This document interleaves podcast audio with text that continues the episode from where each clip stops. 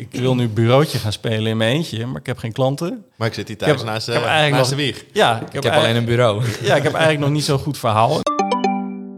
Eh, maar we komen erbij op terug. Nou, maar we komen erbij op terug. Die heb ik heel vaak gehoord de eerste Mhm. twee jaar.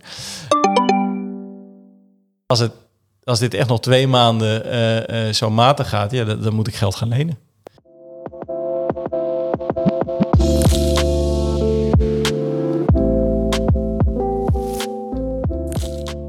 Leuk dat je luistert naar Agency Runners, een podcast van Studio Doc. Quincy en ik gaan in gesprek met agency-eigenaren in het digitale landschap. Met ons eigen bureau Studio Doc bouwen we websites. Je kunt ons zien als de technische partner van creatieve agencies. Door steeds vaker samen te werken met andere agencies, merkten we dat er talloze verhalen schuilgingen achter deze bedrijven. Het leek ons tof om de bureaus en de personen daarachter beter te leren kennen. Hoe zijn deze ondernemers begonnen? Welke valkuilen zijn ze tegengekomen en hoe hebben ze deze overwonnen? Kortom, inspirerende verhalen van ondernemers die het digitale landschap in beweging brengen. Vandaag is Michael bij ons te gast. Michael runt Revitalize, een boutique rebranding agency voor merken met groeiambities. Vanuit hun overtuiging dat elk merk het recht heeft om de sterkste en beste versie van zichzelf te worden, helpen zij bedrijven met herpositionering, redesign en communicatie. Kortom, een rebranding agency met gezonde groei als resultaat. Ook Michael vroegen wij of hij wel eens een podcast aanzet. Ja, wel. Eh, verwondering van eh Momkai. Ja, Ken je dat? Ja. ja. En toevallig ben ik eh, recent met de Zelfs-podcast eh, begonnen. Oh ja, Van eh Sander Schimmelpenning en, eh, hoe heet hij, Jaap uh, Reesma. ja, Vond ik ook wel, eh, ook wel leuk. ja. Ja. Ik heb wel zijn, eh document, of zijn documentaire, wat, wat was het een... Ja, was toch wel... Sander in de Kloof. Sander in de Kloof, ja. Ja, ja, ja. Heel heb ik wel interessant. gekeken. Dat vond ik Ja. wel tof om, eh, te zien. Ja. Zelfde podcast nooit, eh, nooit geluisterd. Ik ook niet. Ik vind alleen het lastige met podcast is eh, tijd. Ja, We hebben een jong gezin en de momenten dat je eh, naar een podcast kan luisteren is vaak onderweg. Je gaat niet stilzitten op een bank ja. en daarnaar zitten luisteren, Nee. naar het raam staren. En onderweg is voor mij een paar minuten op de fiets naar kantoor. Dus het zijn echt snippets die ik Ja. op een dag Ja. meekrijg. Soms doe ik wel een hele week over één podcast. Ja, ja. Maar goed, toch leuk. Ja. ja. misschien moet je eh, ja, verder van kantoor gaan wonen. Ja, nou, dat is ook, een idee. Een andersom, fietsen. andersom gaan doen. We gaan straks natuurlijk wel luisteren naar het, eh, naar het hele verhaal van, eh, van Revitalize.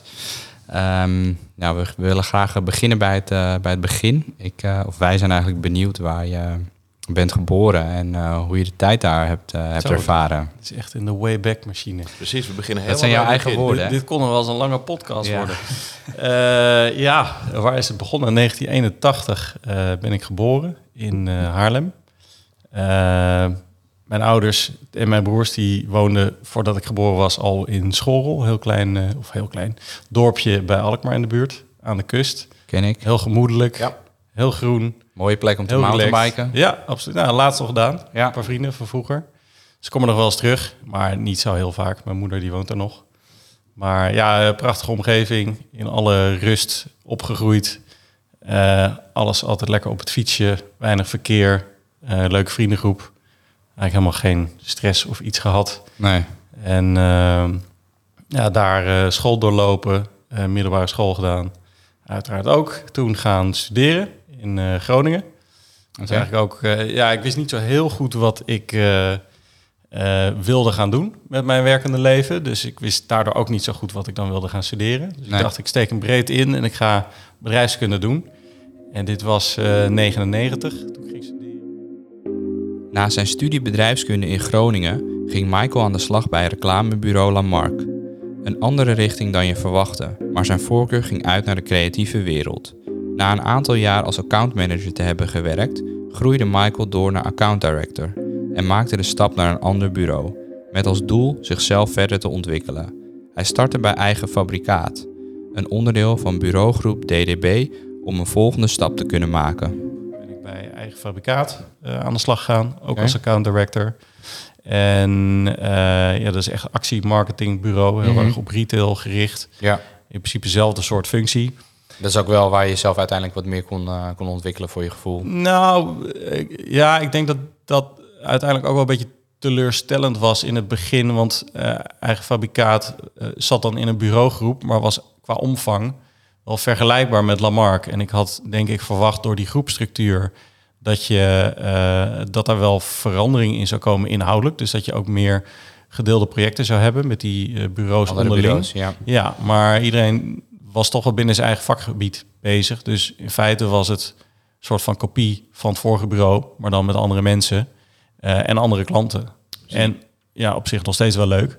Die bedrijven waren meer eilandjes onder de Ja. grotere paraplu. Ja, ja zeker. Ja, ja inderdaad. En, en eh, ik denk dat er wel heel erg behoefte was aan eh, meer synergie. Ik denk dat veel bureaugroepen daaraan werken. Ik denk dat dat ook de uitdaging is, want ook in het geval van de DDB-groep, al die bureaus hadden wel hun eigen bureaupropositie, een eigen identiteit. Dus die, de mensen die daar werkten, die, die voelden zich ook onderdeel van dat bureau en de napas van de groep. Van het geheel, ja. Ja. en dan had je ook nog wel eens dat projecten ook onderling werden weggeschoven of weggeplukt. Dat, dat wij bijvoorbeeld met eigen fabrikaat zijnde een, eh, eh, een campagne hadden, eh, of tenminste een campagne vraagstuk voor een grotere klant. En dat dan vanuit de groep werd gekeken naar capaciteit of omzet. Dat weet ik niet. Ja. Eh, Daar had ik geen in- inzage in.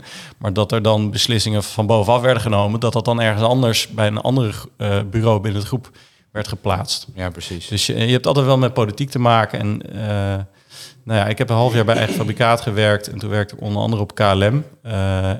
Heel leuk. En bij DDB Amsterdam, zeg maar het themabureau, op dat moment viel er een soort gat. En er was er best wel eh, veel drukte op, op onder andere KLM. Dus eh, ik heb toen intern eigenlijk een horizontale stap gemaakt naar DDB, waar ik eh, eh, DDB Amsterdam dan, waar ik eh, Ja. tijd ging bijspringen. Eh, en eigenlijk op dat moment werd ik eh, benaderd door eh, twee oprichters van Epidemie. eh, waar ik daarna ben gaan werken. Maar op dat moment nog niet. Ja, Eh, Leon en Michiel zijn de oprichters daarvan. En die, eh, die hebben dezelfde, eh, ja, eigenlijk baas om het maar te noemen. Dezelfde, die hebben bij hetzelfde bureau gewerkt. Die hebben ook bij Lamarck gewerkt, maar allemaal in een andere periode. Alleen dat bond ons wel. Eh, en ze waren op zoek op dat moment naar een, een derde persoon binnen hun bureau. Die ook accountverantwoordelijk zou worden. En eigenlijk zou helpen om het bureau ook verder te brengen. Om ook te gaan groeien. Dus die... eh, Leon en Michiel, de eigenaren van Epidemie, benaderden Michael om bij hen te komen werken. Michael had zelf het gevoel dat dit voor nu geen goede stap was en ging niet in op het aanbod. Laten we over een half jaar nog eens een hapje gaan eten. Toen wij gingen eten, toen, eh, ja, toen dacht ik, trek de stoute schoenen aan. Dus ik zei, jongens, ik, ik, ik wil eh, graag de stap maken, maar dan eh, ja, wil, wil ik wel graag participeren in het bureau. En eh, toen moest ze hard lachen. Toen zeiden ze, nou, als je dat nou een half jaar geleden had gezegd, dan eh, had je nu al bij ons gewerkt. Hadden we meteen kunnen starten. Ja, precies, hadden we meteen kunnen starten. Maar eh, ja, dingen lopen soms eh, anders en eh, in het tempo waarin dat voor jou goed is. Maar goed, toen Precies. eh, waren we er snel uit. En eh, toen ben ik bij Epidemie begonnen Ja, ben ingestapt als derde partner en derde eh, persoon ook. Eh, in welke periode was dat ongeveer? dit was in 2012, denk ik. 2000, nee, 2011, 2012. Ja, Dit is voor release tijd nog? Eh, ja zeker. Ja? Ja. Een klant die wij hebben, waar wij de website ooit Ja. voor hebben gebouwd, Releasy, Ja. die heeft volgens mij Maar die hebben ook eh, met pro- promo-video's. Eh, ja, een hele, eigenlijk een hele eh, campagne. Promo-video's en een hele, eigenlijk geholpen om die propositie verder aan te scherpen. Dat was, eh, ik weet niet of dat in dat jaar het al ongeveer was, maar volgens mij waren zij toen nog met z'n tweeën. Maar, Ja, ja, want Real Easy was al klant bij Epidemie toen ik daar eh, binnenkwam. ja, precies. Eh, alleen het was op dat moment een slapende klant. Dus ze hadden, daarvoor hadden ze wat dingen gedaan. ja, dus dat is eigenlijk nog eerder. Ja, en ze hielden wel contact in de hoop dat daar natuurlijk ook weer ja, werk uit zou komen. Maar dat volgens mij het eerste jaar of twee jaar dat ik daar werkte, kwam daar eigenlijk niet zoveel uit. nee, Maar uiteindelijk hebben we daar wel weer eh, campagnes voor gemaakt. ja, precies. Ja. Ja. Ja, zeker. En hoe lang heb je uiteindelijk bij, eh, bij Epidemie gewerkt? Eh, epidemie heb ik vijf jaar gezeten. Eh, en ja, superleuke tijd gehad. Dat was echt heel leerzaam, want ja, je, je krijgt eigenlijk een kijkje in de keuken bij het runnen van een bureau. Nog sterker, je bent zelf een bureau aan het runnen. alleen je bent eh, is- onderdeel van. ja, Hoe dit- zag de rolverdeling uit? Eh, nou ja, Leon en Michiel waren natuurlijk de oprichters en, Mhm. en ook de creatieve, creatief team. Ja. Werkten al volgens mij zeven jaar samen uit mijn hoofd met elkaar. Eh, dus helemaal op elkaar ingespeeld. En ik kwam er echt bij met verantwoordelijkheid om gewoon klantcontact te gaan doen. Want ze hebben een tijdje daarvoor met z'n tweeën gewerkt en ook af en toe met freelance projectmanagers.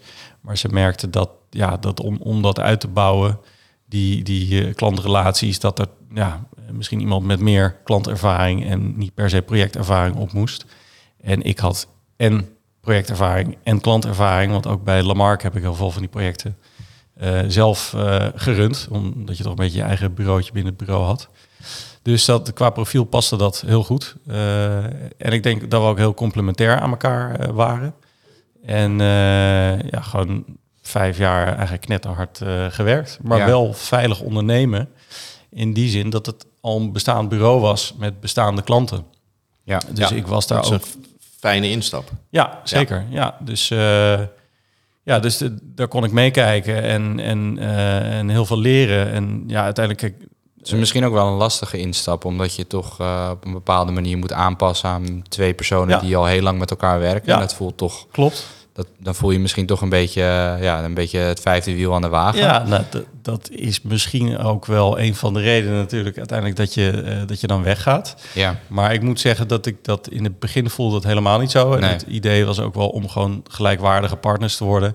Alleen je merkt in de praktijk en eh, ja, in het begin heb je daar niet zoveel moeite mee. Want ik was al lang blij dat ik partner werd. Dus dat je ook meede, eh, meedeelt in de winst en, en ook wat te zeggen hebt. ja.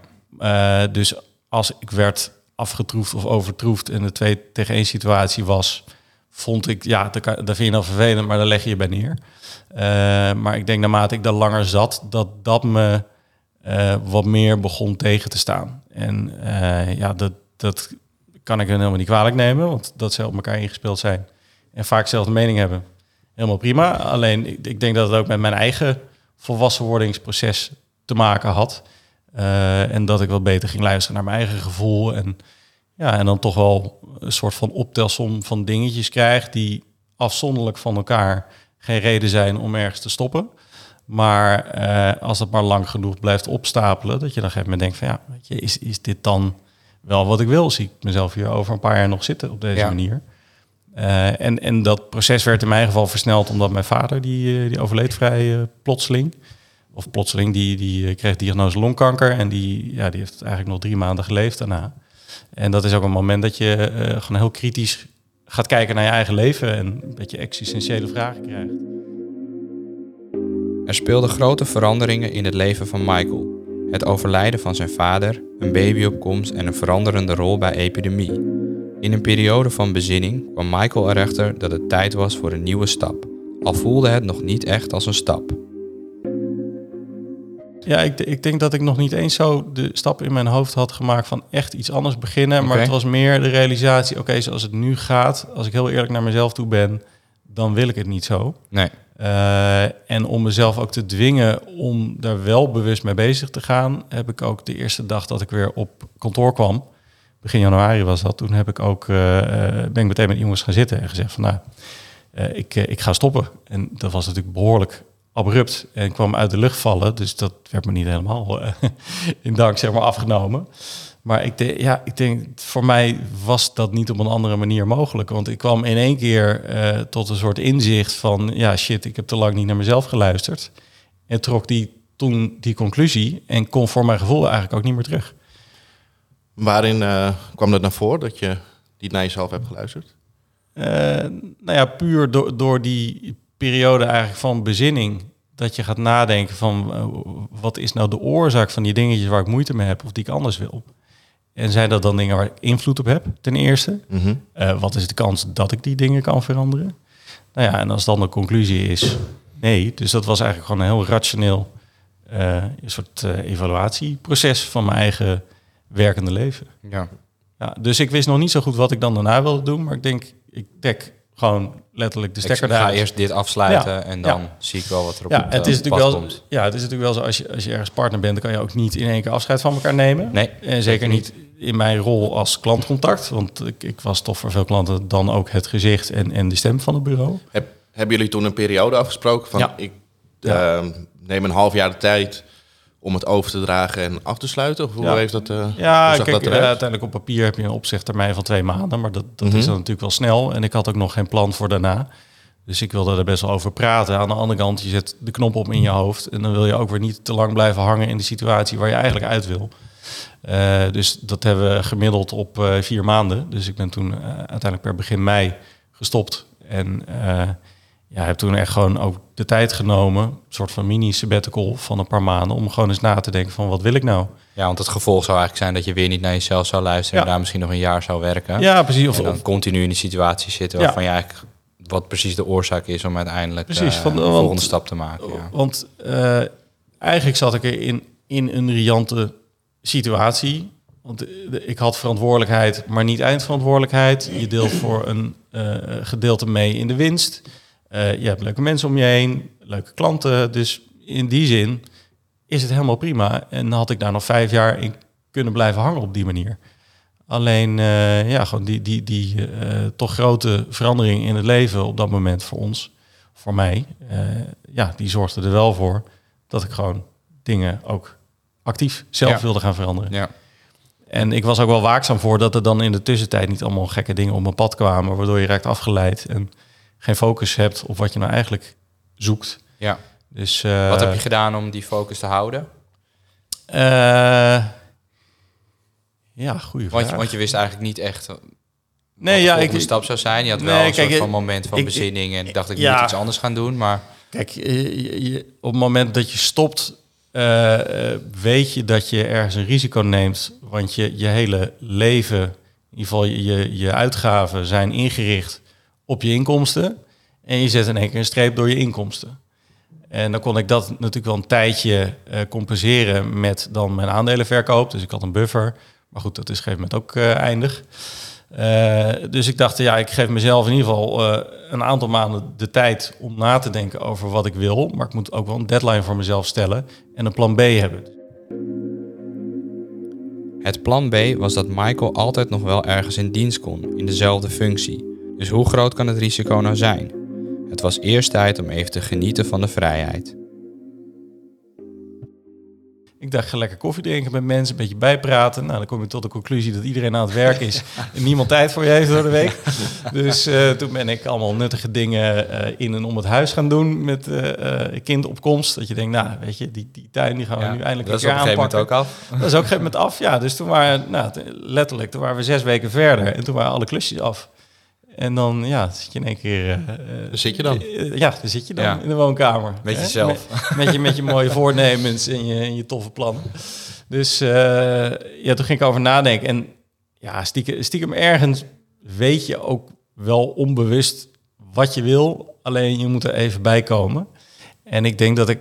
Ja, ik heb altijd wel in mijn hoofd gehad dat ik zelf eh, een keer een bedrijf wilde neerzetten. Misschien komt dat ook wel door opleiding bedrijfskunde. Dat je daar dus mee te maken hebt en ziet hoe dat gaat. En daar eh, misschien ideeën bij hebt.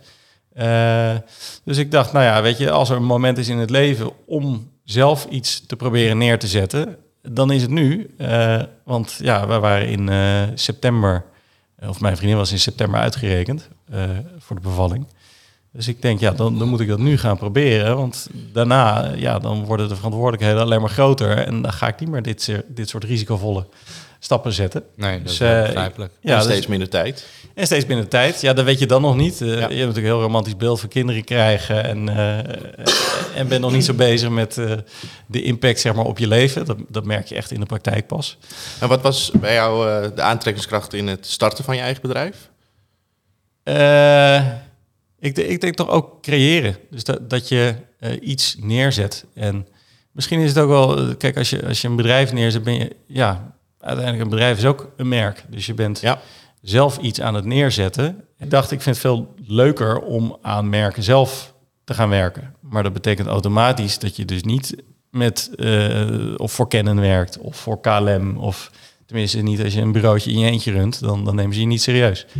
Dus ik dacht, ik ga mij dan eh, eerder richten op MKB, wellicht groot MKB. Mhm. Eh, en dan specifiek op branding. Dus gewoon merken eh, ja, maken. En toen dacht ik, ja, merken maken.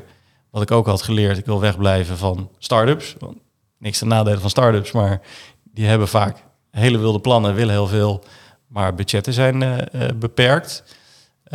Dus ik dacht, ja, eigenlijk is het veel interessanter om het te richten op gewoon bestaande organisaties waar budget is, waar plannen of in ieder geval ambitie is. Eh, dus toen dacht ik, ja, rebranding, waarom ga ik dat eigenlijk niet doen? Ja. Zijn, er, zijn er bureaus die zich daarin specialiseren? Nou, inmiddels misschien wel. Eh, ik kon ze toen in ieder geval niet heel specifiek vinden. Er zijn heel veel designbureaus die ook zeggen natuurlijk dat ze rebranding doen. Maar geen, enkel, geen enkele partij die zegt we doen alleen maar dat. Uniek. Ja. Ja. En eh, ik vond het ook interessant omdat je bij rebranding, want dat had ik, ik heb natuurlijk wel wat rebrandings meegemaakt bij voorgaande bureaus. Want elk reclamebureau zou dat ook aannemen als klus. Eh, dat ik in de praktijk wel had gemerkt dat ik het ook interessant vond, omdat het vaak ook wel complexere klussen zijn. Omdat je, eh, ja, je komt vaak binnen een bestaande organisatie Precies. waar mensen werken, vaak veel mensen werken, die allemaal al bepaalde verwachtingen hebben bij die transformatie die zo'n merk dan door moet gaan maken, die hun eigen associaties hebben bij dat merk. Dus dat, eh, dat is wel extra uitdagend. En, en, en een groot deel van het werk is ook om dat proces goed in te richten, dat je mensen meekrijgt, dat iedereen betrokken is, dat ze een zegje kunnen doen, dat je draagvlak creëert, dat je het intern lanceert en daarna pas naar buiten gaat. Ja. Dus ik vond dat hele traject wat daarbij hoort, dat vond ik ook super interessant. Dus Ja. ik dacht, ja, ik noem me specialist en ik ga gewoon veel van die klussen doen. Een gegeven moment ben je specialist. ja. Het was ook meteen, eh, je noemde het bedrijf ook meteen Revitalize? Of? Ja, toen ik, toen ik eigenlijk op die propositie rebranding uitkwam, toen dacht ik, ja, wat past er dan voor naam bij? Eh, ik weet niet meer wat ik nog meer voor alternatieven toen had, maar ik vond Revitalize eigenlijk tot nieuw leven wekken, vond ik wel mooi. hè? Ja. En Pakkend, Ja, omschrijvend. ja, en in retrospect denk ik ook met het overlijden van mijn vader... dat daar ook nog wel onbewust een soort van koppeling in zat. Dat hij was overleden en ja, dat je dan een soort van volwassen wordt als man... en er eh, voor je gevoel alleen voor staat. En dan iets nieuws probeert te creëren en neer te zetten... of je eigen leven probeert in te richten. Ja. Ja, Dus ook Heel dat mooi. conceptueel was dat wel helemaal, voelde helemaal rond Ja. op dat moment. Liever had ik gehad dat mijn vader nog was, maar...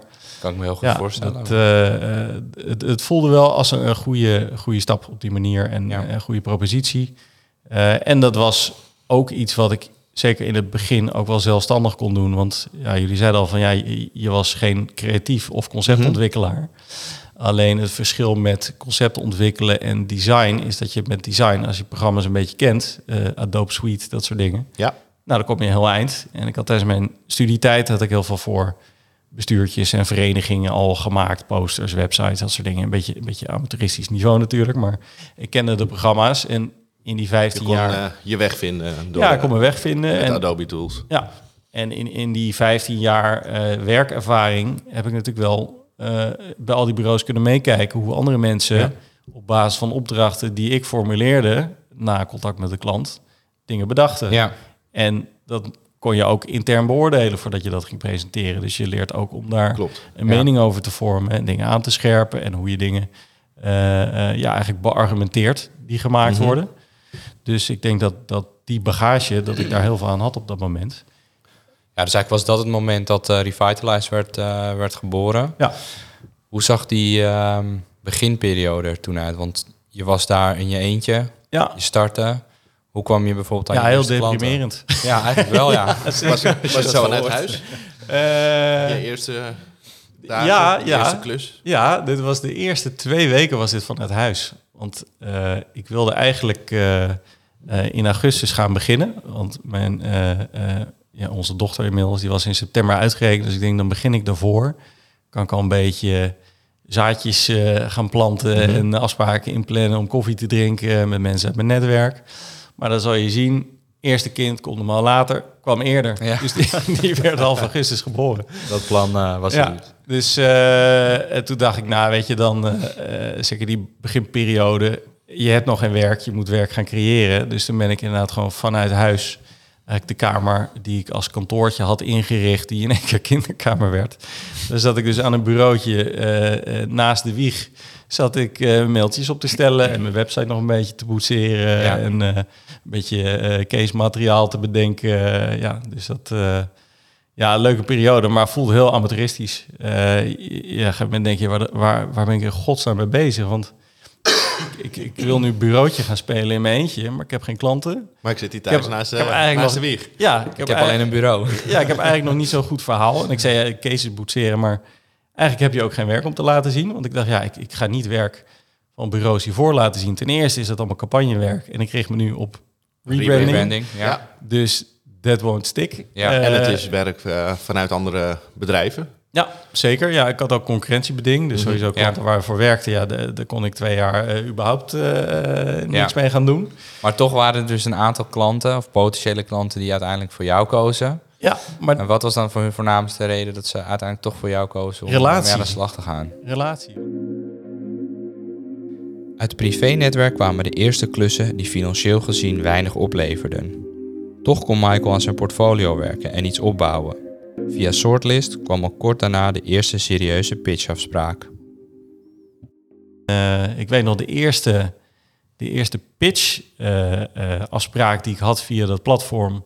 Dat was naast de VU, VUMC, het ziekenhuis destijds nog. En dat was voor een partij in thuistesten, voor SOA-testen. En die kwamen dus ook via Sortlist bij mij uit. En ik kwam er voor briefingsgesprek. Nou, goede briefing hadden ze opgesteld. Nou, ik, ik had alle tijd van de wereld. Dus ik heb gewoon een week besteed aan, aan een voorstel... Waar, waarin ik eigenlijk al hele merkstrategie had uitgewerkt. En positionering. Dus ik ging dat presenteren. En er waren nog twee bureaus, weet ik, in de pitch. Ik weet niet wie, maar uiteindelijk na dat gesprek zei ze van... nou, echt steengoed verhaal. Echt geen spel tussen te krijgen. En eh, nou ja, ik kan nu al zeggen, je- was ook de derde.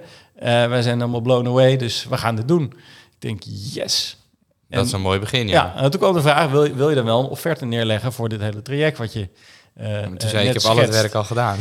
Nou ja, nee, ik, ik, had, ik had de merkstrategie gedaan. Dus, eh, en al een beetje tipje van de sluier van waar dat dan Ja. toe zou leiden. Wat je allemaal moest gaan maken en, en hoe lang dat allemaal zou duren. Maar nog geen kosten. Ik denk, ik ga mezelf niet in, in de voet schieten bij de eerste afspraak... door meteen over kosten te beginnen. Laat ze eerst maar een soort buy-in krijgen op je ideeën. Dus ik ging offerte opstellen. Nou ja, dat, eh, ja, dat ging al snel richting 50, 60.000 euro, zeg maar. En eh, ja, op zich niet een bedrag waar ik toen van schrok. Want bij de bureaus waar ik ervoor werkte... Was je dat eigenlijk al ja, gewend? was ja. ik dat gewend. Alleen, zij schrokken er wel van natuurlijk. Eh, of schrokken ervan. Ze zeiden in ieder geval, we, we begrijpen de kosten. Alleen, ik denk met de ambitie die ze toen hadden... want ze wilden een rebranding... En ik had ook allemaal plannen voor campagnes en alles erop en eraan. Zeiden ze van, nou, dat is misschien iets te vroeg nu. Eh, maar we komen erbij op terug. Nou, maar we komen erbij op terug. Die heb ik heel vaak gehoord de eerste Mhm. twee jaar. We Ehm, weten allemaal wat dat betekent. ja, dus Ja. nou ja, die komen er niet op terug. Dus ik heb er zelf nog twee, drie keer achteraan gebeld. En toen zei ze nog steeds van ja, weet je, echt eh, goed verhaal. We gelopen er nog steeds in. Maar, ja, Maar? kijken, funding, eh, moeilijk, weet het niet. Eh, uiteindelijk zeiden ze dat derde gesprek van nou, we gaan het pragmatisch oplossen. We gaan de website omkatten. En that's it voor nu. Maar Ja. dankjewel voor je moeite. Ja, Nou, grootste frustratie uit mijn leven natuurlijk. ja. Ja. Week opgewerkt, maanden achteraan gezeten voor je gevoel. En, en stiekem heb je het ook wel nodig in het eerste jaar. Want Logisch. Ja, weet je, de, je moet omzet maken, wil je levensvatbaar zijn. Eh, dus daar baalde ik van. Eh, maar uiteindelijk is deze klant, eh, wel grappig, na vier jaar teruggekomen. Die belde me op. En in de tussentijd zijn ze ook gegroeid. En zat er een soort holding boven. En was er wel in één keer geld. En dat bleek vorig jaar de grootste klant eh, voor ons te worden. Kijk was dus een plan. dus zo zie je maar hoe koe een haas vangt. Ik, achteraf had ik er dus geen spijt van, maar dat eerste jaar baalde ik wel van, ja, weet je, dit, dit- ik, ik had niet zo enthousiast erin moeten gaan. Dus Nou ja, achteraf gezien dus wel. Ja, dit heeft Achteraf je wel, ja. misschien wel die eh, Ja. opdracht opgeleverd. ja, dat is waar. Nou, dit- Ik, ik denk dat die eagerness, die, die heb ik ook bij de bureaus ervoor ook altijd wel gehad. En Ja. ook wel gehouden, ondanks tegenslagen Ja. op dat vlak in de eerste twee jaar, denk Ja, ik, precies. Revitalize.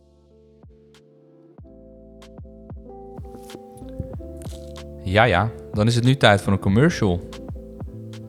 Gooi jij even lekker de commercial er tussendoor. Dan is er helemaal niemand op te wachten. Nou, we maken toch echt wel goede websites. Oké, vooruit maar. Maar houd het wel kort, HUB. Ook voor de luisteraars wel leuk om te horen wat we nou eigenlijk doen. Ehm, je hoort ons soms zeggen dat we technisch partner van creatieve agencies zijn. Maar wat betekent dat nou eigenlijk? Even heel plat gezegd bouwen we websites. En dat doen we het liefst in samenwerking met branding, design en marketingbureaus. En helpen we bedrijven in de uitrol van hun nieuwe digitale strategie. Vertel dan ook maar even kort iets over hoe we dat doen, nu je toch bezig bent. Nou, los van de leuke samenwerking is alles wat we bouwen headless en static. Uh, performance staat bij ons eigenlijk altijd voorop. Uh, en daarnaast verzorgen we een gebruiksvriendelijk CMS waarin iedereen eenvoudig content kan beheren en publishen. Veel technische termen, maar daar gaat Quincy uh, veel meer over vertellen in de Inside the Studio sectie op onze website. Mhm. en ook lees je daarover wat wij zelf allemaal doen om een serieuze agency te worden. Maar of dat gaat lukken, dat is nog maar afwachten. Uh, ons meest recente werk is uh, op onze website te bekijken. Uh, zo hebben we bijvoorbeeld Yakult, je kent ze wel van het kleine flesje, in de afgelopen twaalf maanden geholpen in de bouw en uitrol van hun nieuwe digitale strategie. inmiddels in tien landen de nieuwe consumentenwebsite gelanceerd. Een erg leuke case, dus check de website studiodoc.nl. Oké, okay, ben je klaar? Ik wil nu wel terug naar de aflevering. Yes, terug naar de aflevering. Hoe zag die vervolgstap eruit? Want je was dus zelf opdrachten aan het zoeken en aan het oppakken. Op een gegeven moment was er waarschijnlijk een punt dat je dacht van nou, misschien moet ik een team gaan bouwen. Um, hoe, zag dat, uh, hoe zag dat eruit? Nou, dat kwam, ja, dat kwam wel later pas. Want ja, die eerste klanten, dat was natuurlijk wat ik vertelde, vooral mijn sociale netwerk. Dus misschien ook wat minder belangrijk dat het allemaal heel hoog niveau uh, werk was wat je maakte. Al vond ik het zelf natuurlijk wel mooi, anders had ik het niet gepresenteerd. Maar uh, ik merkte, uh, want die eerste twee, tweeënhalf jaar zat ik in mijn eentje. En ik merkte op een gegeven moment dat de verhouding acquisitie, werk uitvoeren, die begon te verschuiven. Dus in mijn tweede jaar was ik eigenlijk meer bezig met werk uitvoeren. Dus mm -hmm. het werd makkelijker om klanten binnen te halen, omdat je meer werk had om te laten zien, omdat je beter in je verhaal komt. Al, uh, ik had het altijd over wij, terwijl ik natuurlijk in mijn eentje was. En dan zeg je, ja, ja, Weet je, ik werk met mensen om me heen. In de praktijk gebeurde dat niet echt. Je naam begint uh, te verspreiden. Ja, precies. Dus inderdaad, mensen weten wat je doet. Dus uh, je wordt ook wat makkelijker via via gevonden. Dus dat begon een beetje te groeien. En, en de, de klanten en daarmee de budgetten werden wat groter. Maar het bleven alsnog wel een soort van one-off trajecten. Dus van sociaal netwerkklanten ging het naar wel zakelijk netwerkklanten met iets meer te besteden. Maar het bleven wel gewoon periodes waarin je intensief op een klant bezig was of een paar klanten parallel. Maar op een gegeven moment was het klaar en nou, zoals dat dan. Deed je in die periode nog steeds veel bakjes koffie? En nee, steeds minder. Steeds, minder. Dat ging steeds ja, organischer. Ja, want je merkt wel dat dat dan ja, in een groot deel van de gevallen eigenlijk tot niets leidt. Mhm. Dus je wordt zelf ook efficiënter omdat je ook minder tijd hebt. Dus ga je ook wat minder opportunistisch uh, afspraken plannen met mensen. Eh, ik ging ook minder lunchen met vrienden, want ik had meer te doen. Dus uh, ja, je merkt dat je, dat je er zelf ook, ook wat serieuzer in komt te staan. Uh, ja, dus dat was mooi om te zien, die ontwikkeling. En toen in dat tweede jaar dacht ik op een gegeven moment, want ik had na het eerste jaar qua, qua omzet, levelde ik ongeveer wat ik ook als salaris had bij economie, zonder dan de winstuitkering. Mm. Dus toen dacht ik na dat eerste jaar, oké, weet je, het, het, is spannend, maar uh, het gaat de goede kant op. Ja, dit gaat de goede kant ja, op. Ja, en weten dat, potentie, ja. Ja, en zeker weten dat ik in het begin bij lange na niet mijn salaris bij elkaar sprokkelde, dacht ik, nou ja, als ik uh, zoals het nu gaat, als ik dat nog een jaar doe, dan wordt het dus alleen maar beter. Dus toen dacht ik, ja, ik blijf dit doen. En uh, nou ja, toen groeide het dus met serieuzere klanten. En op een gegeven moment en daar vroeg je net naar, wat is dan het punt dat je er mensen bij gaat halen? Ik denk dat ik in de eerste instantie nog, ben ik op een gegeven moment wel met freelancers gaan werken, omdat het gewoon te veel werk voor mezelf werd, maar nog niet strikt structureel qua mm -hmm. uh, capaciteitsbelasting. Een tussenoplossing. Ja, precies. Alleen niet financieel niet de meest interessante, nee. want je bent andermans uren eigenlijk aan het verkopen. Uh, en je bouwt geen uh, vastigheid, geen nee, team. Nee, klopt. en toen op een gegeven moment na nou wat is het, 2,5, 3 jaar. Ja, volgens mij zei ik daar straks 2,5, maar volgens mij rond de 2,5, 3 jaar. Toen kwam ik op het punt dat ik gewoon, ja, eigenlijk gewoon zelf overloaded was. Dus dat er gewoon veel projecten liepen, dat ik zelf te veel in de uitwerking zat. En toen dacht ik, nou, dit werkt niet helemaal lekker. Nog wel behapbaar? Uh, ja, wel behapbaar, maar ja, maar eigenlijk net te veel. Net voor de coronaperiode was Michael van plan om een oud collega aan te nemen. Een designer die werk uit handen kon nemen en de algehele kwaliteit naar een hoger niveau kon brengen. Na wat twijfels tijdens de lockdowns nam Michael toch het besluit om Michel, de designer, aan te nemen. Voornamelijk omdat er zat werk in zicht was. Ja, want als je nu kijkt naar eh Revitalize vandaag de dag, jullie zijn nu met, eh, met vier mensen, omschreef je net. Ja. Hoe ehm, omschrijf je Revitalize eh, vandaag de dag? Neem even een slokje om tijd te rekken. Ehm, ja, hoe omschrijf ik het? Ja, kijk, als je onze website leest, dan zijn wij een eh, boutique rebranding agency voor merken met groeiambities. Ehm, en dan zie je ook meteen dat er vier mensen werken. Eh, ja, het is wel professioneler geworden. Eh, mede ook door de komst van Michel, want die, ja, die, die nam het volledige designstuk over. Ja. Dus wat ik eigenlijk voor mijn gevoel erbij deed en vaak te weinig tijd aan kon besteden omdat ik alles deed, eh, dat, daar was in één keer wel veel tijd voor. En, en dat werd dus een stuk kwalitatiever. Dus Ja. het werk wat wij met z'n tweeën maakten, werd veel beter. En eh, ja, we hebben denk ik een jaartje met z'n tweeën gewerkt. En eh, toen werd Michel ook te druk alweer. En toen heb ik Niels erbij gevraagd. En Niels die heb ik ook een tijdje als freelancer gehad, voordat Michel er was. En dat was toen een ja, junior designer, illustrator bij een ander bureau. Die zat bij eh, Active Collective, wat je wel kent. Digitaal bureau. Klopt. Ja, dus Daar daar was... in de vorige aflevering gehad. Ja. Oké, Raymond. ja, grappig. Ja. Ja, dus eh, daar was hij een beetje een vreemde eend in de bijt, omdat hij eh, animeert en illustreert. eh, ja, en dat was een digitaal bureau, wat eigenlijk niet zoveel deed op dat vlak. En ze wilden ook veel meer richting digitale toepassingen. Dus meer code en wat minder eh front-end design en zo. Ja.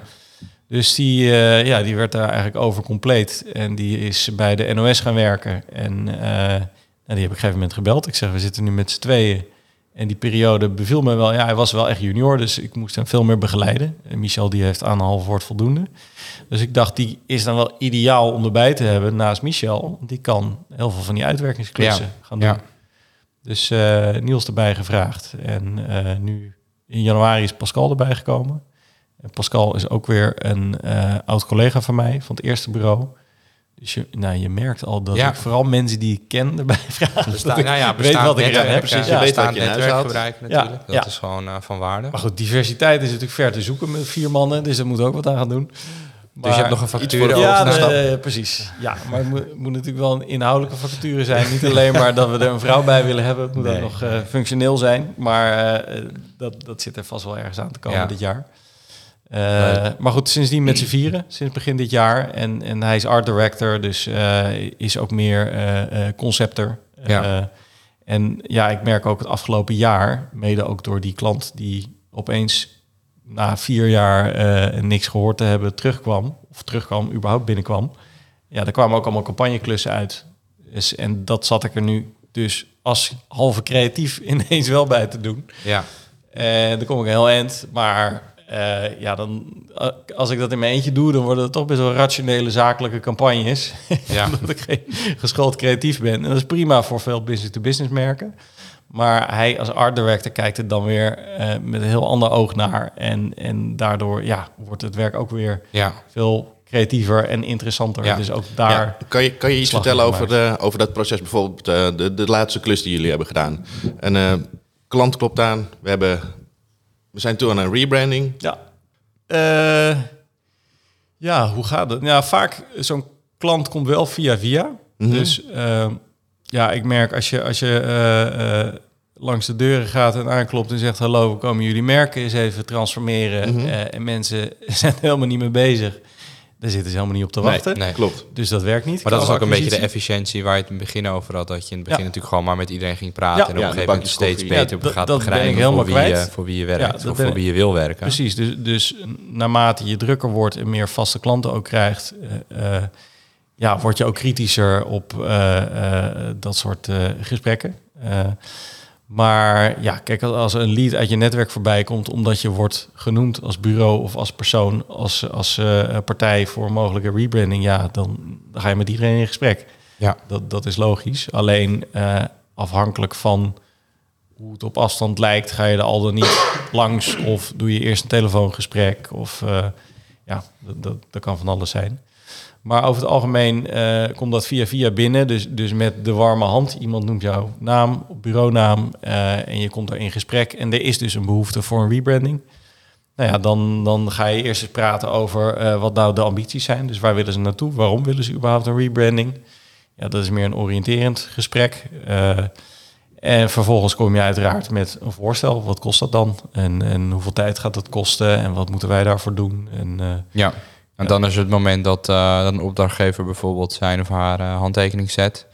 Nou, handtekening doen we niet eens. Niet eens? Nee, nee ja, er, zijn, er zijn veel bureaus die werken met contracten en servicecontracten. Maar ja, eigenlijk ook met het vorige bureau al. Ja, bij Epinie, bij sommige klanten hadden we dat wel. Bij mm grotere partijen, zoals Lidl werkte onder andere voor.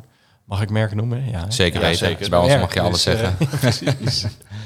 nee, dus uh, uh, ja, weet je, de contracten, dat, dat doe ik niet echt. Weet je. je, volgens mij ben je zo goed als je laatste werk. En als mensen tevreden zijn met de relatie, waarom zou je elkaar dan gaan binden met contracten? Ja. Ja. Ja, mee eens. Maar dan, is er toch een moment dat je start met het werk en precies. dan ja, het creatieve, zeg maar, het Ja, precies. Dus uh, dat eigenlijk werken wij altijd in drie fases. Dus dat begint met uh, strategische stuk, strategische herpositionering. Nou, dat leiden we vaak in met een strategische kick-off. Dus een dagdeel waarin je met uh, een aantal stakeholders gaat zitten. Dat kan een groep zijn van drie tot ongeveer tien. Als het veel groter wordt, dan wordt het inefficiënt en dan durven mensen niet meer te praten. En als het te klein wordt, dan krijg je maar één of twee meningen. En ja, dat is niet heel divers. Dus uh, uh, je gaat met een clubje zitten en dan gaan we eigenlijk aan de hand van een aantal vaste onderwerpen en vragen gaan we praten over de organisatie, over het merk. Dus eerst, ja, we noemen dat merkreflectie. Kijken van wie zijn jullie nou als organisatie? Waar zijn jullie goed in? Wat is jullie historie? Wat zijn jullie doelstellingen, commerciële en maatschappelijke doelstellingen? waar wil je naartoe? En daarna ga je ja, logisch kijken om de organisatie heen. Wat voor markt zitten jullie in? Wie zijn concurrenten? Wat voor doelgroepen? Nou, eigenlijk hele typische marketing vraagstukken. Uh, waar ze soms wel een antwoord op hebben en soms niet. En, en uh, ja, je probeert eigenlijk zoveel mogelijk kennisoverdracht te creëren. Dus ik zoveel mogelijk dingen van die zij in hun hoofd hebben eruit proberen te halen en op papier te zetten. En dan is de truc om dat ja, zoveel mogelijk terug te brengen tot de essentie, tot de kern. Dus een, een deliverable wat wij dan opleveren na zo'n fase is dan ook een, een strategisch advies. Dat kan zijn ook over de merknaam bijvoorbeeld, of over de merkarchitectuur als het een, een groep van merken is. Uh, maar we schrijven ook een heel merkverhaal uit. Soms kom je met een nieuwe merkbelofte of het is een nieuwe merknaam. Ja, dat kan van alles en nog wat zijn. Uh, en op basis daarvan dat gaat natuurlijk nog wel eens heen en weer. Om dat helemaal te verfijnen. Zeker qua formulering, bepaalde terminologie. Uh, ja, we werken bijvoorbeeld ook voor partijen die zitten in de microbiologie. Nou ja, dan moet je wel gaan verdiepen. Maar ja, helemaal begrijpen doe je het natuurlijk niet als nee. communicatie-expert. Alleen je probeert het wel naar lekentaal te krijgen. Ja. Dus complexe materie zo duidelijk en bondig mogelijk te gaan verwoorden. Ja. Dus ja, er komt eigenlijk gewoon een document met heel veel tekst uit. Ja. En, en het grootste gedeelte van jullie projecten zijn dan uh, ook echt op projectbasis? Of hoe moet ik dat voor me zien? Ja, ja het is echt projectbasis. Dus ja. uh, heel veel bureaus werken op basis van uren. Uh, en mijn ervaring daarmee bij voorgaande bureaus is dat je dan dat het niet het meest gunstige is voor je bureau-klantrelatie. Omdat je ja, eigenlijk inschattingen zijn nooit 100% goed. Zo simpel is het. Je kan dingen op nakalculatie gaan doen. Maar dan krijgen klanten vaak verrassingen. Mm -hmm. ja. Of je legt een begroting neer en als dat niet klopt, halverwege het traject trek je aan de bel en dan zeg je ja sorry, uh, we gaan twee uur meer besteden. Of uh, weet je, we, we, komen helemaal niet uit, we hebben nog een week nodig. Ja. En ik denk dat je dan ook verkeerde incentive bij het bureau hebt. Want hoe meer tijd je besteedt als bureau, hoe meer je eraan verdient. Dus uh, eigenlijk hoe minder effectief jij je werk doet, hoe ongunstiger voor de klant, voor de klant is. Wordt, ja. ja, dat is natuurlijk wel een beetje krom. Dus om, om mijn eigen leven makkelijker te maken en niet eindeloos uitgesplitste offertes te maken, ben ik gewoon projectprijzen aan projecten gaan hangen. Dus ik omschrijf wat wij gaan doen binnen een project. zo helder mogelijk natuurlijk, dat je in ieder geval daar geen discussie over krijgt. en dan op basis van ervaring maak je natuurlijk wel een calculatie in je hoofd van hoeveel tijd dat ongeveer is. En is het, zijn het zieken wel uren, alleen je laat geen uren zien, maar gewoon een totaalbedrag en een waarde die je toekent aan een project. Ja. En daar krijg je een akkoord op. Ja, precies. Met als gevolg dat je daar als bureau moet je dan ook niet gegeven moment gaan zeggen we komen niet uit. Tenzij een briefing verandert. Uh, Eh, en eh, ja, als, als klant weet je gewoon waar je aan toe bent. Ja, Dus dan, is dan is je briefing natuurlijk wel echt heel belangrijk Ja, in, eh, zeker. in die beginfase om daar gewoon nooit Ja, Ja, absoluut. Maar het- over te ja, krijgen. Ja, zeker. Maar het helpt natuurlijk dat de type projecten die we doen, die rebranding trajecten, in principe is het proces altijd hetzelfde. Dus voor dat soort trajecten hanteren we ook gewoon vaste tarieven. Dus de, eh, ja, of dat nou een hele grote partij of een hele kleine partij is, er gaat ongeveer evenveel tijd in zitten voor ons. En er komen er dezelfde deliverables uit voor een ander product of een andere dienst. eh, dat maakt dan weinig uit. Ja. Dus dat zijn gewoon altijd dezelfde tarieven die we hanteren. Dat maakt het ook transparant. Maar eh, ja, klanten komen binnen op herpositionering. Maar als je ze goed helpt en je bent eigenlijk een soort van geestelijk vader van het nieuwe merk, ja. dan vertrouwen ze je ook wel met andere communicatieklussen. En, en als er dan behoefte zijn voor een campagne of een website, nou ja, dan kan je ze daar ook bij helpen. En, en natuurlijk halen we daar ook wel weer eh, externe experts bij als dat nodig is. Maar je hebt wel de regierol en die vertrouwen ze je ook toe. Ja. En Ja. dat soort, en dat wilde ik zeggen, dat soort projecten, eh, dat zijn dan gewoon projectprijzen. En dat kan natuurlijk variëren afhankelijk van wat er gedaan moet worden. Ja. Ja, en hoe ga jij als bureau-eigenaar dan om met ehm, ja, de grillen van een, van een agency eigenlijk? Omdat je natuurlijk heel erg op projectbasis werkt, je rond het project af. Ja. Dan wil je natuurlijk het liefst dat er al een volgend project te wachten staat. Eh, is dat altijd zo en hoe ga jij met die, met die bewegingen om? Nee, dat is niet altijd zo. Ik denk dat eh, eh, vorig jaar toen, ja, in het begin zaten we nog met z'n tweeën. En toen was het gewoon mega druk. En was ik helemaal niet bezig met het volgende project binnenhalen. Want dat kwam vanzelf binnen, omdat, je gewoon met weinig mensen zit. Nou, inmiddels zitten we met meer mensen. Dus dan begin je ook op een gegeven moment te voelen... oké, weet je, de klussen gaan er wat sneller doorheen. Het werk wordt ook wat beter, maar het gaat er vooral sneller doorheen. Eh, dus ik moet weer meer vooruit gaan kijken. Ja. Ja, dus dan krijg je toch een beetje flashbacks aan die eerste twee jaar van eh, ja, ik moet toch een beetje ergens aan de boom gaan schudden om, om werk ergens vandaan te krijgen. Ja. Alleen inmiddels is je netwerk natuurlijk weer groter geworden. Eh, en eh, ja, hebben we ook vaste klanten waar ook toch wel weer meer werk uit kan komen, ook als je gewoon langs gaat. Ja, Weet je, en omdat waar- je misschien ook de geestelijke vader van, van Ja. het merk bent geworden. Ja, Dat ze je ook toevertrouwen natuurlijk aan andere dingen die allemaal raakvlakken hebben Ja, met het merk natuurlijk. Ja, dat sowieso. Alleen daar heb je geen invloed op. Dus dat, dat Klopt. is dan reactief. Dus op het moment dat zij een klus hebben, dan moet je er toch op wachten. Alleen jouw vraag was eigenlijk, ja, als het rustig wordt, wat Ja. doe je dan? Ja, dan toch weer acquisitie gaan doen. En dan begin je op je bestaande klanten uiteraard. Eh, en, en daarom zei ik langs gaan, daar komt over het algemeen altijd werk uit. Ja. Ook al is er geen directe aanleiding, Nee. dan, ja, dan, dan ontstaat werk. En dat kan vandaag de dag natuurlijk ook allemaal weer wat makkelijker. Ja, ja Dat zeker. Bij, eh, ja, bij ja, bedrijven langs Ja. gaat. Ja. ja absoluut. Ja. tof. Ehm, ondernemerschap zelf. Ben ook wel benieuwd. ehm, we hebben nu eigenlijk je, nou ja, je verhaal gehoord naar, eh, nou, eigenlijk naar het moment van, eh, van vandaag. Eh, waar je met Revitalize staat. En straks horen we misschien ook nog wel waar jullie uiteindelijk naar, naartoe, gaan. Ehm, ik ben wel benieuwd of jij bepaalde nou ja, failures hebt in de afgelopen periode die je eens zou willen belichten. En ehm, nou ja, hoe je die om hebt gezet naar iets, naar iets positiefs.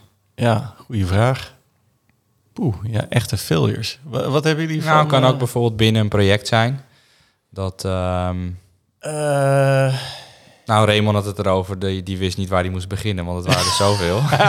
maar het ging voornamelijk over, de, over, de technische, over het technische aspect van een project. En dan ja, heb je een soort van term, eh, technical debt, dat dat vaak wel eens gebeurt dat je in het begin, eh, in een vroege Bepaalde periode, keuzes maakt Ja. bepaalde keuzes maakt in een project, omdat er een bepaald budget aan hangt en dat dat uiteindelijk nog steeds klanten zijn en dat je dan soms wel eens jezelf in de spiegel moet aankijken van, nou ja, kan ik deze klant nog verder helpen of niet? ja ik, ik denk dat, dat wij daar wat minder mee te maken hebben. Kijk, de complexiteit bij dat soort dingen zit hem in techniek en Zeker. onvoorspelbaarheden. Ja, Ja, En zo'n maakproces bij ons, ja, dat, dat is in feite altijd hetzelfde. Je weet van tevoren niet wat je gaat maken, precies. maar dat je Ja. gaat komen, dat- Ja. ja. ja of dat je Dat weet je misschien veel wel. tijd hebt gestoken in een voorstel. Je presenteert het en het valt totaal fout.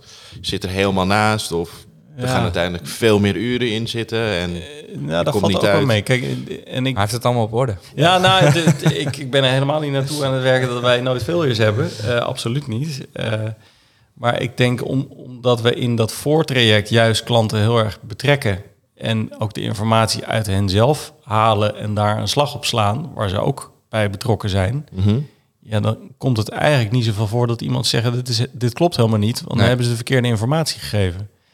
Eh, en uiteraard kan iemand iets mooi vinden of niet. Precies, dat, dat Ja. blijft natuurlijk eh smaak. Ja, ja, ja, ik, ja ik, ik, ik denk, eh, nou ja, veel. Ik denk eerder, eh, ik denk wat de afgelopen jaren wat ik meer had kunnen doen, is eh, veel meer met ook de, de eh, zichtbaarheid van je eigen bureau bezig zijn. En ik denk zeker in mijn eentje toen ik begon, dat is niet echt een failure, maar meer een soort van, ja, wat, wat had je anders kunnen doen? Ja, precies. Eh, zeker als je in je eentje bent, ja, je noemt jezelf een bureau, maar om naar hoofd van de toren te gaan blazen dat je een bureau bent, dat doe je ook niet. Dus Mhm. Heel veel eh, eh, eh, zichtbaarheid en PR ben je niet mee bezig. Het is eigenlijk nu pas sinds een jaar, denk ik, dat ik zoiets heb van, oké, weet je, het begint nu professioneel te voelen, omdat er meer mensen zijn en ook omdat het werk beter wordt. Ja, En ja, omdat het kwalitatiever is, wil je het liever laten zien.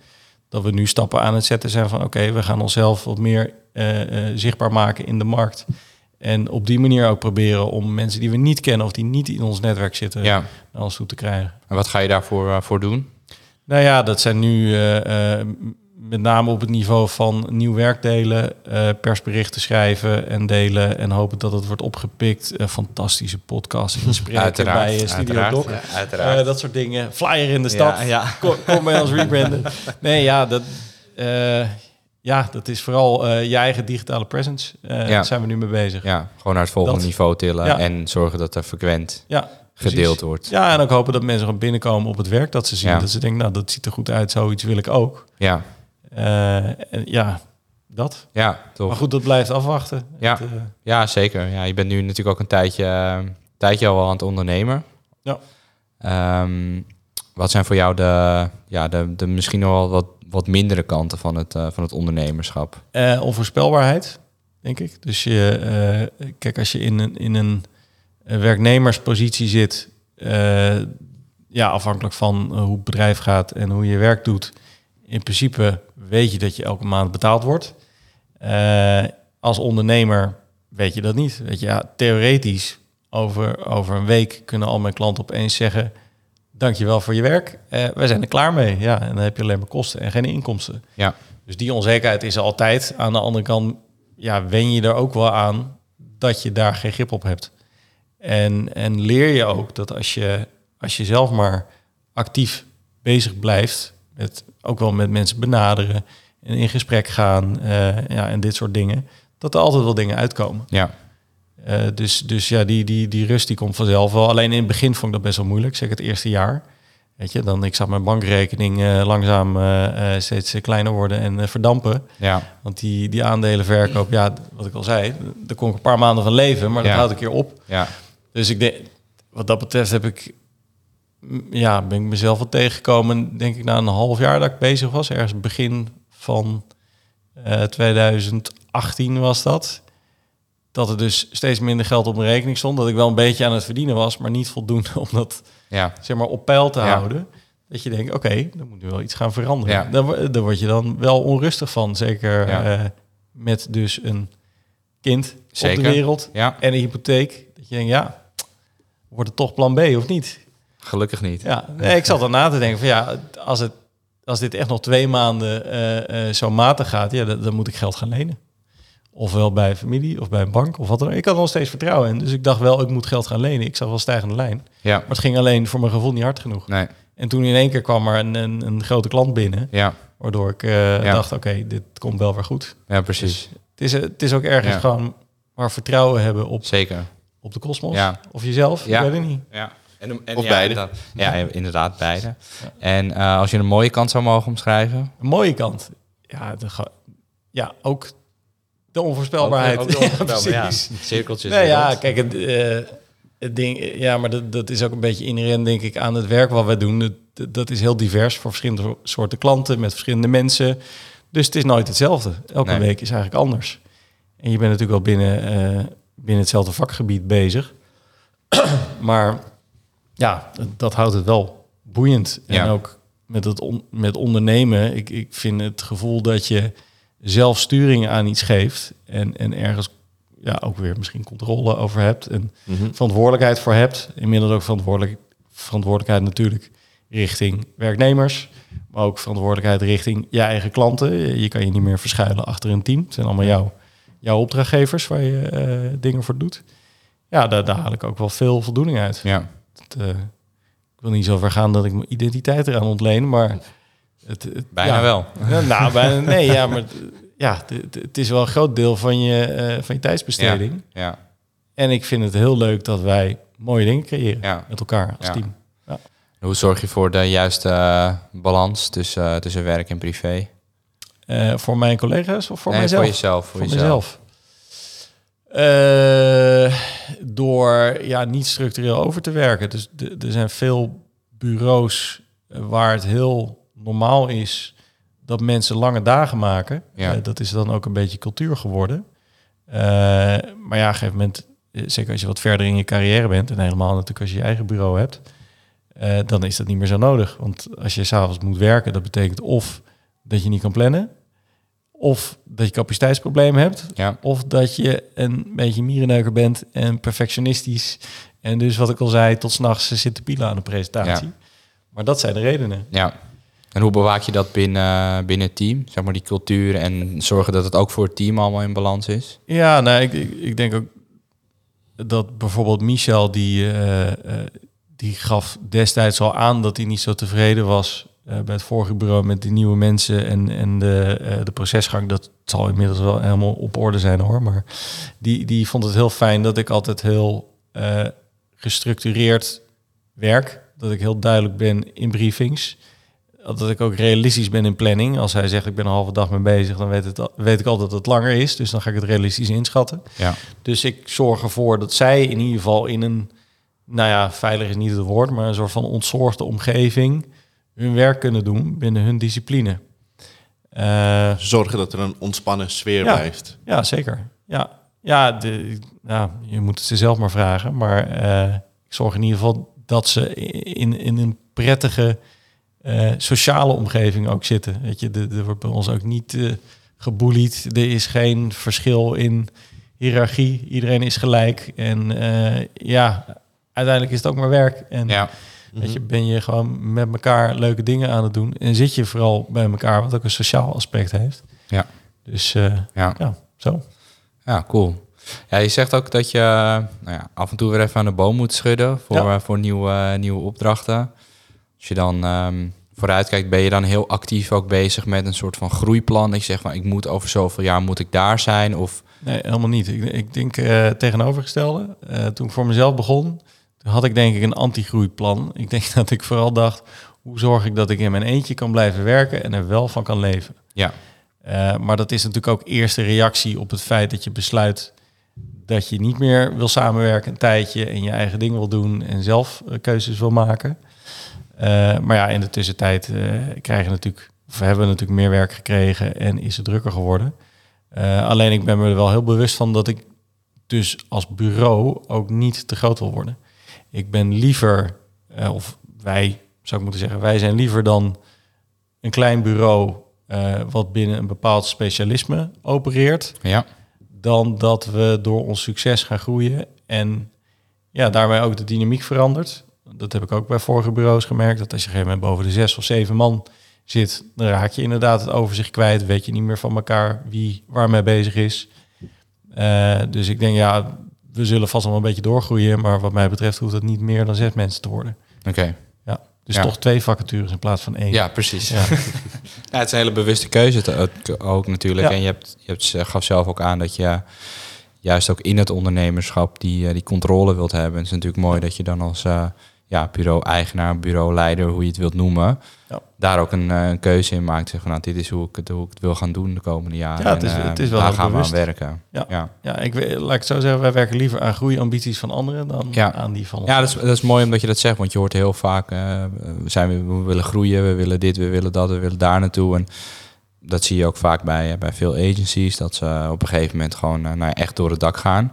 Eh, en ik ben ook wel benieuwd hoe dan die dynamiek is eh, binnen zo'n eh, binnen zo'n organisatie. Dat hebben wij zelf ook nooit, nooit meegemaakt. Maar daarom vind ik het mooi dat jij zegt, nou, we willen juist gewoon inspelen op die kwaliteiten, willen wat kleiner blijven en gewoon specialistisch blijven. En dan is het voor mij helemaal niet nodig om een bureau te worden met, met 15 man, waar ik eigenlijk helemaal geen controle meer over heb. En misschien weer een beetje terugvallen naar het eerste patroon waarvan jij dacht van nou, ik wil dat het anders gaat. Ik wil deze dingen wil ik niet meer meemaken. Exact, ja. Ehm, ik, moet het, eh, nou, ik moet het op mijn eigen manier, Ja. manier gaan doen. Dus ik heb in, in een hele korte tijd eh, heel veel bewustwording gekregen. Ja, En dat pas ik mooi om te systematisch toe. Ja, Ja. precies. Heb je nog bepaalde tips op, of adviezen die je zelf zou geven bij het opstarten van, de, van je bedrijf met je kennis van nu? Je gaf net al wel aan van nou, ik zou wat meer aan de bureau eh, presence Ja. willen werken. Dat, dat ik wat meer in Nou ja, sta. ik, eh, terugkijkend zou kunnen zeggen, ik, ik had de stap ook eerder kunnen zetten. En dan, eh, ik weet niet of dat dan beter was geweest. Want ja, uiteindelijk de, de ervaringen die je opdoet, die vormen je ook weer en daar leer je ook weer van. Maar ik denk dat ik het eerder, als, als ik niet bij epidemie had gewerkt daarvoor, dan had ik de stap waarschijnlijk niet gezet. Ja. Omdat ik dus daar heb kunnen meekijken en van heb kunnen leren, had ik het zelfvertrouwen om voor mezelf te beginnen. Maar achteraf had ik de, de denk ik, de ervaring ook al wel wat eerder. Dus ik, ik had daar eerder aan kunnen beginnen, dat avontuur. Ja, Eh, maar uiteindelijk, mijn grootste tip is gewoon, ga het gewoon doen. Want eh, ja, ondernemen, het woord zegt het al, je moet iets gaan doen. ja. En heel veel mensen die, die, die blijven zeg maar dromen of, of eindeloos nadenken over de, de perfecte propositie of het perfecte verhaal of het ja. meest briljante idee. Maar ja, dat zijn vaak niet de, de meest succesvolle organisaties. Het is gewoon, ja, Ja. shit done. doen. Ja, Ja, top. ergens beginnen. Ja. Ja, je ehm, zegt net ook, nou, ik, heb misschien niet echt een groeiplan. We hebben natuurlijk ook altijd de vraag van hoe zie je jezelf en het bedrijf over een jaar of drie, eh, drie tot vijf. Ja. Hoe zou, je, hoe zou jij ehm Revitalize Ja, schetsen over een jaar of vijf? Durf je daar een uitspraak over Dat kan ik helemaal invullen. Ja. Zes mensen, Zes vier mensen, mannen, vier- twee vrouwen.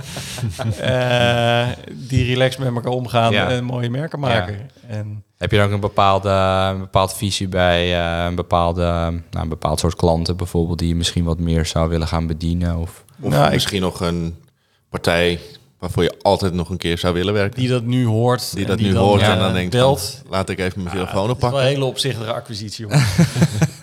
nee, ja, kijk, laat ik zo... Ja, nee, er zijn niet specifiek... Is er een merk waarvan ik denk, oh, de, daar wil ik nu mee aan de slag. Eh, ik denk dat, eh, eh, dat het vooral eh, ja, interessant is om, om type klanten wat we nu hebben. Ik, ik zie dat die steeds groter worden. Dus dat is natuurlijk wel leuk. Het is leuk als je op een gegeven moment inderdaad voor een groot bekend merk een rebranding kan gaan doen. En daar dan dat kan laten zien aan mensen en daar dan trots op bent. Omdat mensen het herkennen en daardoor misschien ook beter begrijpen wat je doet. Of het leuker vinden, dat weet ik niet. Maar ja, ik denk dat we automatisch nu ook grotendeels in een soort van business-to-business hoek zijn beland door de keuze voor rebranding. Eh, ik vind dat heel leuk, maar ja, het, is, het zou mooi zijn om daar ook wat meer consumentenmerken bij te hebben. Hebben we nu wel, maar die verhouding mag van mij nog wel een beetje 50-50 of mag, ja, die Ja. zou wel 50-50 mogen worden. Leuk dat je het einde van de podcast hebt gehaald. Wil je weten wie hier binnenkort bij ons aan tafel zit? Check dan studiodoc.nl of abonneer op de podcast via Spotify.